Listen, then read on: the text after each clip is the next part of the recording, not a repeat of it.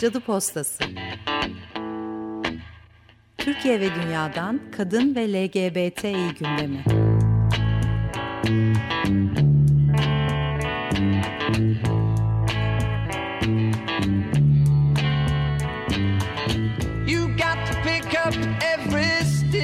Hazırlayan ve sunanlar Burcu Karakaş ve Çiçek Tahaoğlu. Must be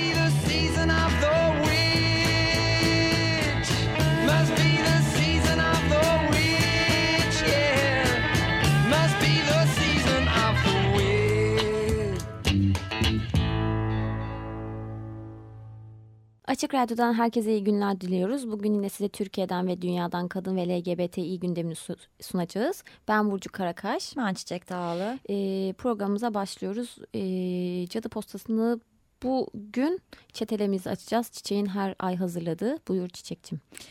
Evet, Yönetin Erkek Şiddeti Çetelesi yine hazır aylık. Ee, yine sayılar ürkütücü. Ee, şimdi Mart ayında medyaya yansıyan haberlere göre erkekler en az 27 kadın ve 2 bebek öldürdü.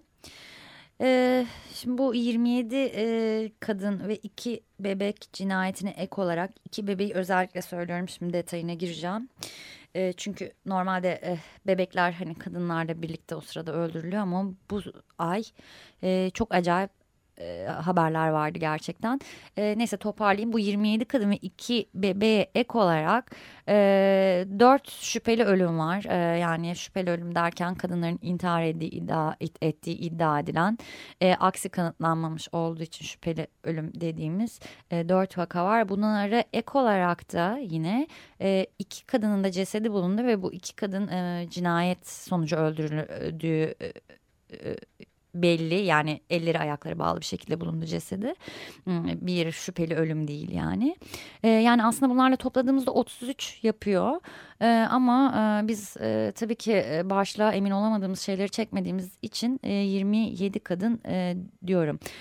Şimdi normalde ben aslında her ay şey yapıyorum böyle çok absürt vakaları çok tuhaf vakaları öne çekiyorum birkaç örnek veriyorum çetene de istatistikleri verirken. Bu ay bunu yapamadım çünkü gerçekten hem vakaların hepsi çok absürtleşti. Çok akıl almaz cinayetler işleniyor. Akıl almaz gerekçeler sunuluyor cinayetler için. Hem de o artık o kadar çok gündemimizde ki biz de birazcık şey normalleştirdik galiba. O kadar şaşırmıyoruz çok vahşice işlenen cinayetlere maalesef. Ama e, bu ay cinayet bahaneleri arasında tabii her ay olduğu gibi namus, kıskan, kıskançlık gibi şeyler vardı ama e, bir erkek karısını kahvaltı hazırlamadığı için öldürüyor. E, yani bunu da söylüyor. Başka bir erkek de karısını yemek yapmadığı için öldürüyor. E, bebek demiştim. E, bir erkek 6 aylık bebeğini cinsiyeti kız olduğu için öldürüyor. Ve aynı kişi 2014'te de diğer kızlarını öldürdüğü ortaya çıkıyor. Yani kadın söylüyor daha önce de bebeğimizi öldürmüştü yine aynı gerekçeyle diye. E, yani kız doğduğu için 6 aylık bir bebek de artık öldürülüyor boğarak korkunç bir şekilde. Şimdi e, birazcık e, şeylere bakalım. Nasıl olmuş bu cinayetler? Kad kadınları kim öldürdü diye soruyoruz her ay. E, Mart ayında da 27 öldürülen 27 kadının %48'ini kocaları %22'sini e, sevgilileri öldürüyor. E, bu ay da yine e, tecavüz etmeye çalıştığı kadını öldüren bir erkek var. Üstelik akrabalar bunlar bu sefer tanımadığı bir tecavüzcü de değil. Ee, kadınların yüzde 18,5'i boşanmak istediği, barışmayı reddettiği ya da evlenme teklifini reddettiği için öldürüldü bu ay.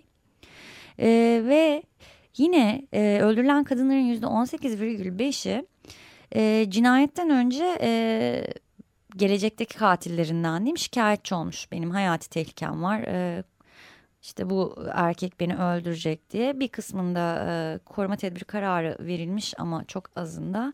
Bazı kadınlar da koruma tedbir kararı dahi alamamış.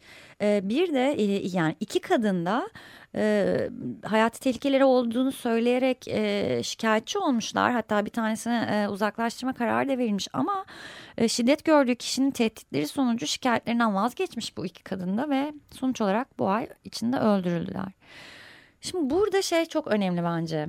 Ee, sen ne diyorsun Burcu bilmiyorum ama hani genelde şöyle bir şey var. Bir savcının ve polisin kolu kuvvetlerinin yani yasa gereği bu konudan sorumlu olan bu konuyu takip etmesi gereken insanların bu konuyu gerçekten takip etmesi gerekiyor. Çünkü hani biz biliyoruz ki kadınlar zaten tehdit altında oldukları için şikayette bulunuyorlar. Şikayette bulundukları zaman bu tehdit artıyor ve şikayetlerini geri çekmeleri çok olası. Aslında buna izin verilmemesi gerektiğini düşünüyorum. Ben. Evet mesela şöyle bir şey olmuştu Eskişehir'de bu sadece e, kadın polislerden oluşan bir timinle e, hani hatırlıyorsan evet. onunla ilgili bir haber yaptığım zaman e, tabii onun onlarla da aslında bir e, alakalı değil ama mesela hakikaten kadınlar e, oradaki e, e, işte polisler bütün bu işte vakaları çok yakından izliyor. Hakikaten onu orada gördüm. Ancak nihayetinde onlar da şunu söylüyor. Bir kadın şikayetini çektiği zaman hani bizim ondan sonra elimizden gelen bir şey yok. E, şimdi şikayetini çekiyor ama sen de söylediğin gibi hani niye çekiyor? Bazen çekmek zorunda kalıyor. Bazen adam birebir hani işte şikayetini çekmezsen seni öldürürüm gibi bir ifadede e, bulunduğu zaman da e, şikayetini çekmek zorunda kalıyor. Bunları bilmek çok mümkün değil. Nihayetinde kadınlar korktukları için ya da aslında hiç gidemiyorlar yasalcılığa ya da polise. Bununla ilgili ayrıntılı araştırma yapılması lazım ama emniyette yani genelde hep şunu söylüyorlar. Hani zaten bizim İş, işimiz işini. başımızdan aşkın ve zaten sen de biliyorsun ki oraya giden kadınlara ay yine geldi gene şikayet etti aman altı üstü işte bir tane vurmuşlar bir tane vurmuş neyse hani sürekli sanki böyle tırnak içinde söylüyorum tabii dırdır yapan Kadınlar evet. var ortada da sürekli emniyete geliyorlar ve şikayette bulunuyorlar gibi bir algı da oluşuyor. Halbuki söylediğin gibi şikayetini çeken yani e, ya da hatta hiç şikayet etmeyen ama belki e, bir kere eline gitmiş ve sonra ayağını oradan çekmiş kişilerin de e, takip edilmesi lazım ama işte bununla ilgili bir sistem kurulması lazım. E, birim kurulması lazım. Evet. O yüzden e, Eskişehir'deki birim aslında çok faydalı bence. Ama bunun tabii diğer illerde uygulama konulması bir de içeriğin e, daha e, kapsamlı olması gerekiyor ki o da hakikaten bir ekstra çaba istiyor. Evet. Ama yani. yani bir savcının da düşünmesi gerekiyor. Bu kadın ölümle tehdit ediliyordu. Ben ona e, tehdit eden kişi hakkında 6 ay uzaklaştırma kararı verdim. Şimdi bu kadın vazgeçti. Uzaklaştırma kararını da kaldırtıyor. Yani hani kamu davası denilen şeyler gibi hani devletin korumaya yönelik bir şey yapması lazım. E tabii ki birey olarak polis memurların yani tırnak içinde işleri başlarından aşkın ama hani sistemin evet. sistemin bunu takip etmesi gerekiyor. Bireysel bir çaba beklemiyoruz zaten sistemin korumasını bekliyoruz. E, tabii bireysel çabalar da bir yandan bu sistemi sağlayacak şeyler birazcık birbirine bağlı karışık işler diyelim ve devam edelim rakamlara. Ee, şimdi cinayetlerin yüzde 63'ünde ateşli silahlar kullanıldı. Yani bunu hep vurguluyoruz. Genellikle böyle oluyor. Ateşli silahlar bu. Silahlanmanın e, çok etkisi var. E, çoğu tabanca hani av tüfeği, pompalı tüfek, e, kırsal alanda kullanılan e, başka amaçlar için kullanılan şeyler bilmiyorum ne amaçla kullanılıyor ama kullanıldığını biliyorum en azından. Ama hani tabanca vesaire çok yüksek ve e, yani nefretle işleniyor. Bo boğarak öldürülmüş. İki, iki kadını boğarak öldürmüşler elleriyle yani. Birinin boğazını kesmişler. E, darp ederek öldürme de çok vahşice bir şey burada. Darp böyle en hafifi gibi kalıyor ama darp ederek öldürüyor, döverek öldürüyorlar yani. Bir kadın yine darp edilerek öldürülmüş. Bir kadın da e, sert bir cisimle darp edilerek öldürülmüş. Ve tabii şey de var katillerden biri kadın katillerinden biri bu ay karısını öldüren daha önce kadına şiddet suçundan 90 gün hapis cezasına çarptırılmış. Ama ne kadar etkili önlemler alınmış ki gördüğünüz gibi aynı kadını bu ay içinde maalesef öldürmüş. E, ayrıca e, bu katillerin beşi intihar edip dördü de e, polise e, giderek e, işte bu, bu suçunu itiraf etmiş. Şimdi intihar olayı da aslında çok e, enteresan diyelim yani çünkü bu, şu açıdan medyanın aslında bu haberleri veriş tarzı çok sorunlu. Çünkü işte kendi hatta şöyle ifadeler oluyor işte eşini öldürdü sonra kendi canına kıydı çok gibi. Çok korkunç evet. Yani bunu aslında uzmanlar hep, hep söylüyor. Bir kişi bunu hani dur ben bir sinirlendim öldüreyim sonra kendimi intihar edeyim şeklinde değil. Bunu önceden e, planını e, ortaya koyup ya da kafasında düşünüp bir şekilde önce gidip eşini öldürüp sonra kendisi intihar ediyor. Hmm. Yani bu da hani ya da böyle akıl hastası ya da bir anlık işte sinirli öfkeli olan şeyler değil. Kesinlikle Ana akımın değil. dili şu bile gösteriyor. Geçen sene 2014 senesi boyunca işlenen kadın cinayetlerinin %13'ünde failler intihar etmiş. Ya zaten bu bunun çok e, nadir gözüken bir durum olmadığını bence ortaya koyuyor. E, tecavüz rakamlarından e, devam edelim. E, tecavüzler tabii en az medyaya yansıyan haberler e, ve Mart ayında 9 kadın ve kız çocuğuna yönelik tecavüz olayları medyaya yansımış ki bence çok yüksek. 9 çok az bir rakam gibi geliyor ama medyaya yansımış olması nedeniyle e, çok yüksek. Çünkü çok zor kadınların bunu e, ailelerin hatta kendilerine itiraf etmeleri dolayısıyla basında yer bulacak noktaya gelmesi çok zor. E, şimdi birkaç aydır e, çetele yeni bir bölüm de et, ekledik. E, e, zorla seks işçiliği yaptırılan kadınlar aslında fuhşa zorlama diyebiliriz. Bu bir tercih değil. Çünkü e, bunu yapmadıkları zaman e, bu kişilerden onları zorlayan kişilerden ve parayı alan kişilerden şiddet görüyorlar ciddi anlamda. Bu ay 69 kadına zorla fuhuş yaptırıldığına yönelik yani bu haberlerin toplamında 69 kadın e, mağdur çıkıyordu ortaya ve 65'i tek bir e, çetenin e, çeteye yönelik baskında e, ortaya çıkan kadınlardı ve o kadınların çok ciddi şiddete maruz kaldığı e, görülüyordu e, yani haberlerde yazıyordu. Burada bana e, şey ben hani tecavüz vakalarında nerede e, yaşanıyor bu tecavüz? Sokakta mı, evde mi? Buna bakıyoruz. Alıkonulduğu mekanlarda mı? Tecavüzlerin yüzde 44,5'i evde yaşanıyor ki bence bu da çok ürpertici bir şey. Çünkü zaten hani hep şey düşünür tecavüzcüler tanımadık erkeklerdir diye düşünülür ama bu ayda tecavüzcülerin yüzde 78'i e, kadınların ve kız çocukların tecavüze uğrayan tanıdıkları erkeklerdi. Bir şekilde tanıdıkları erkeklerdi ve bu 69 kadın zorla kadına zorla fuhuş yaptırıldı dedik. Burada e, bu kadınları zorlayan erkeklerden biri kadının kocasıydı, biri de sevgilisiydi. Ya bu da çok korkunç bir şey. E, şiddet kısmına geçiyorum ve kısaca artık çok detayına girmeyeceğim. Çünkü çok korkunç rakamlar. E, 47 kadın ve kız çocuğuna yönelik e, şiddet vakaları yine yansıdı. Bu şiddet vakalarından 47 e, kişiden 3'ü erken yaşta zorla evlendirilmiş kadınlardı. Yani şu anda da e, bu haberler medyaya yansıdığında da 19 yaşında falanlardı ama 15-16 yaşlarında zorla evlendirilmiş kadınlardı bunlar. Ee, ve bu şiddet yaralama olaylarının yüzde otuzunda ölüme sebebiyet vere, verebilecek yöntemler kullanıldı. Yani tabanca, bıçak, e, kesici aletler, işkence, kaynar suyla yakma, balkondan atma e, gibi şeyler vardı. Yani şans eseri ölmeyenler evet, aslında. Evet kesinlikle öyle. Evet taciz e, 60 kadın ve kız çocuğuna yönelik taciz vakaları e, medyaya yansıdı. Aslında bu kadar yansımıyor normalde. Bu çok yüksek e, çeteli için. Bir ayda 60 yansımaz normalde medyaya. E, şimdi bunların cinsel taciz vakalarının yüzde 43'ü fiziksel taciz, yüzde 33'ü dijital taciz yani internet ya da SMS aracılığıyla e, yapılan tacizler, yüzde 13'ü ısrarlı takip stalking dediğimiz e, şey, yüzde 8'i sözlü taciz, yüzde 1,1 altısı da teşhircilik şeklinde yaşandı.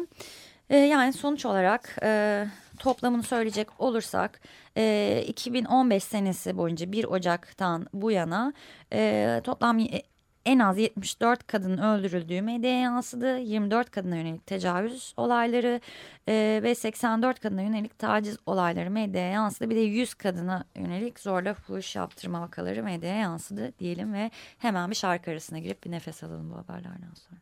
Living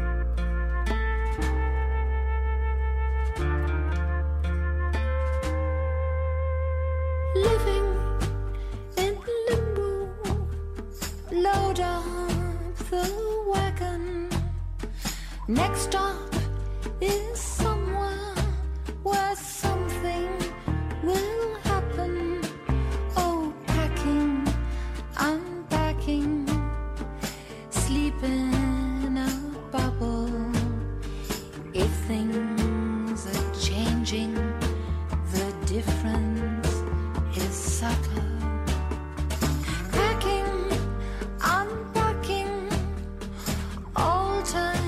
so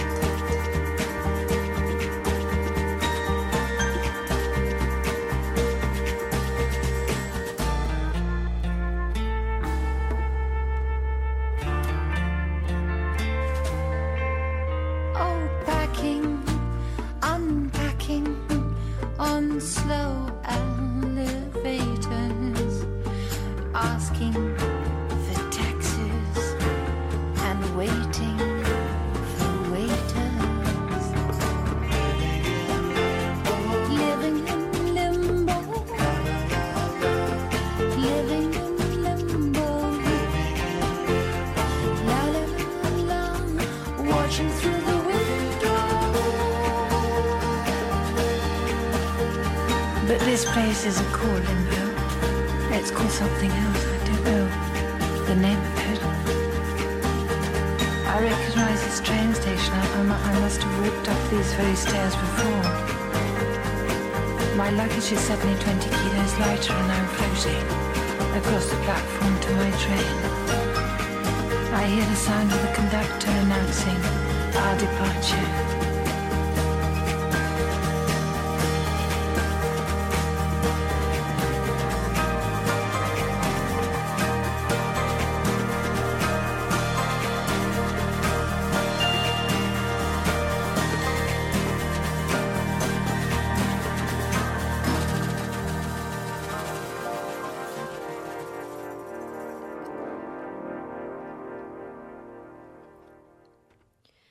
Evet, e, bir şarkı arası vermiştik. Jay Birkin'den e, Living in Limbo adlı şarkıyı dinledik. Şimdi az önce aslında Çiçek e, Mart ayına ilişkin şiddet e, olaylarını size anlattı.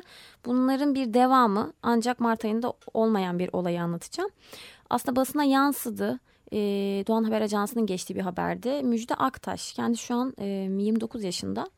Ancak başına gelen olay 5 sene önce e, Müjde ajans haberindeki e, üze yani orada tam ben emin olamıyor insan ama 7 sene önce evlendiği söyleniyor. Teyzesinin oğluyla evlenmiş aslında. Severek e, evlendiğini söylüyorlar. En azından ailesinin iddiası bu yönde. E, yalnız Ağrı'da e, oturuyor kendisi. Evlendikten sonra Muş'a gidiyor. Yani ailesinden ayrı düşüyor. Ve sonrasında ailesini arayarak bir süre sonra çocuğu olmadığı için şiddet gördüğü iddiası var gene. Yani çocuğu oluyor ya da olmuyor ama bir şekilde kocasından şiddet görüyor kendisi. Ailesini arayarak e, hakarete uğradığını, şiddet gördüğünü iletiyor aslında. Ben e, abisiyle konuştum ve kendisi bunu söyledi yani hani bizi bizi arayıp bunu söylüyordu dedi. Ama bu kadar dedi. Hani sonrasında ben eve gelmek istedim mi acaba diye sorduğum zaman. Yani herhalde e, kuzeniyle evli olduğu için belki her iki aileyi de e, rezil etmek istememiştir. O yüzden de son çare olarak hani intihar etmiştir dedi. Çünkü şöyle oluyor. Şiddete çok uzun süre maruz kaldıktan sonra 2010 yılında intihar e, etmeye çalışıyor. İntihar ediyor aslında ancak son dakikada e, ailesi durumu fark edip e, müjdeyi ipten kurtarıyor. Fakat beynine o sırada oksijen gitmediği için felç kalıyor. E, yani son 5 senedir kendisi komada evde e, felçli bir şekilde e, yatıyor. Tabii ailenin durumu çok kötü ve hani e, babası da bu olayın ardından işte hekimlerin söylediğine göre üzüntüsünden dolayı felç kalıyor. Ve evde şu anda iki kişi e, felçli bir şekilde yatıyorlar. Toplam ev e, yani ev halkı 9 kişi 700 lirayla e, ev geçindirmeye çalışıyorlar ve iki tane hasta var tabii. Bu olay basına yansıdıktan sonra Change.org'da bir imza kampanyası başlatıldı. Tabii aslında şöyle e, kaymakamlık aileye yardım etti. Nasıl yardım etti? Bulundukları evin üzerlerine yıkılma ihtimali varmış. Çünkü çok eski bir ev olduğu için ve köy evi olduğu için. Aile için bir ev e, kiraladılar ve bir yıllık e, kirayı ödediler. Yani o yüzden şu an öyle bir masrafları yok. Gerçi anladığım kadarıyla eski evde zaten kira ödemiyorlar çünkü köy evi olduğu için ama kaymakamlığın böyle bir yardımı olmuş. Onun haricinde tabii bu haberi okuyan bazı kişiler aileye yardım et, etmişler. Hala da ediyorlar. Ancak yani tabii iki tane hastanın evde bakımı çok zor ve masrafları çok fazla. Ee, tabii haber gene gazetede çıktıktan sonra Aile ve Sosyal Politikalar Bakanlığı'nın Ağrı'daki e, il müdürlüğündeki kişiler aileyi aramışlar ve müjdenin e, tedavi edilmesi için hani gerekli yardımı sağlayacaklarını söylemişler ama ben en son konuştuğumda henüz bir şey yoktu yani böyle bir konuşma olmuş ancak henüz bir şey yok ve aslında birkaç gün önce de enfeksiyon geçirdiği için Müjde yine hastaneye kaldırılmış. E, ve oradaki başhekim de e, Erzurum'daki hastaneye gitmesi halinde orada daha iyi e, olanaklar olduğunu söylemiş. En son durum buradaydı. Umarız e, ilerleyen günlerde tedavi edilir. Çünkü şöyle bir şey var. E, şu an felçli ve komada ama tedavi edildiği vakit yani eskisi gibi e, olmamak kaydıyla ama daha iyi bir hale e, gelme imkanı varmış. Bu yüzden de Sağlık Bakanlığı'nın zaten harekete geçmesi için aslında Change.org'da bir kampanya vardı.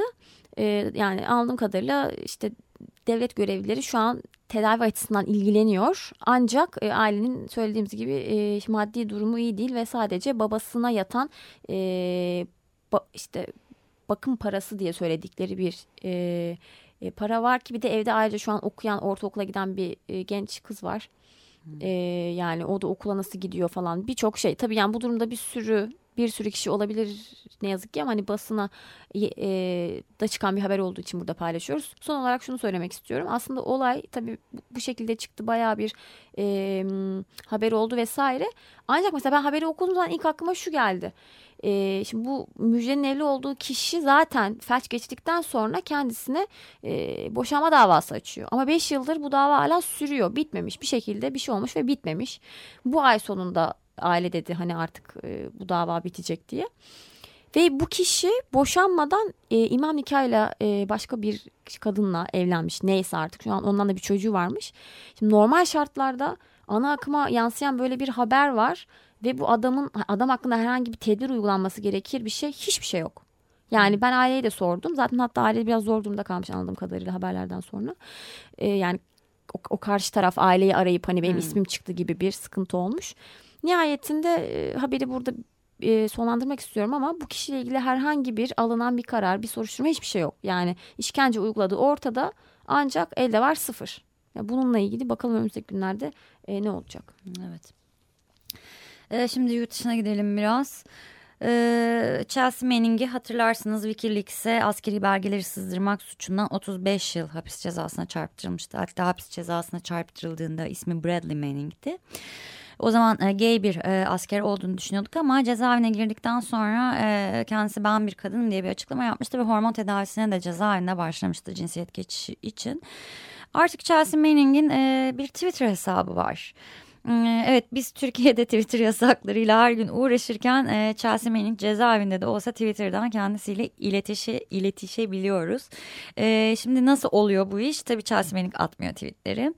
E, Fitzgibbon Media e, adlı bir şirket var. Bunlar e, insan hakları, ekoloji, ekoloji gibi konularda kampanyalar yapıyorlar ve Chelsea Manning'in de destekçisiydiler. Chelsea Manning'le konuşmuşlar ve telefonda konuşuyorlar. Onun sıklığını e, bilmiyorum erişemedim o bilgiye yani haftada kaç gün telefonda konuşabiliyor bilmiyorum ama e, Chelsea telefonda e, Twitter mesajlarını dikte ettiriyor. O mesajlar, e, tweetler atılıyor ve gelen e, cevaplar da kendisine okunuyor. E, ve bu şekilde bir Twitter hesabı var kendisi. Mümkün olduğunca çok tweet atacağını ancak internet erişimi olmadığı için e, şey yapamayacağını ee, yani ne kadar sıklıkta tweet atacağını bilmediğini söyledi ama mümkün olduğu kadar çok atacağını söyledi. Takip edebilirsiniz. Twitter yasağını da e, şimdi söylemişken Femen aslında aynı gün yani e, pazartesi günü bu e, erişimle ilgili bir e, karar çıktığı zaman e, üzerinde DNS ayarlarının bulunduğu bir e, eylem yaptı. O da aslında ne kadar fazla e, odak şey oldu bilmiyorum. Çünkü gündem o kadar şey birbirine... Çok yoğun ama hani ne demek istiyoruz? DNS kullandığımız DNS Numaralar. numaralarını vücutlarına yazdılar. Evet. Bir de aslında programı bitirirken e, iki tane üzücü haber vardı. Onu, onu söylemek istiyoruz. E, İnsan Hakları Derneği'nin e, kurucularından Leman Fırtına e, 90 yaşında hayatını kaybetti. Leman teyze diyoruz biz aslında ona. Gerçekten üç tane oğlunu e, kaybetmiş bir insandı ve çok uzun yıllar e, insan haklarının Türkiye'de gelişmesi için e, mücadele vermiş bir isimdi. E, Leman Fırtına'ya başsağlığı diliyoruz. Biz de gerçekten kendisini kaybettiğimiz için çok üzüldük. Ayrıca e, Türkan Şoray'ın aslında sesi e, deyince belki aklınıza gelir. E, Nevin Akkaya da aynı şekilde onu seslendiren e, Türk sinemasında çok uzun yıllar e, emek veren bir isim. Onu da kaybetmiştik. Bu iki tane üzücü haberi paylaştık ve bugünlük de programımızın sonuna geldik. Ben Burcu Karakaş. Ben Çiçek Dağlı. Hafta yine burada olacağız. Herkese iyi günler diliyoruz. Cadı Postası Türkiye ve dünyadan kadın ve LGBTİ gündemi.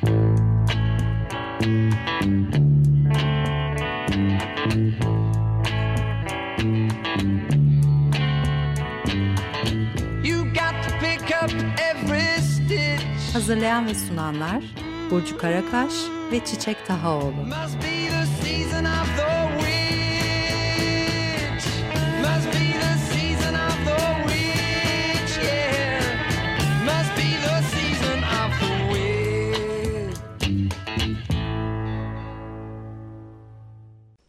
Açık Radyo program destekçisi olun. Bir veya daha fazla programa destek olmak için 212 alan koduyla 343 41 41.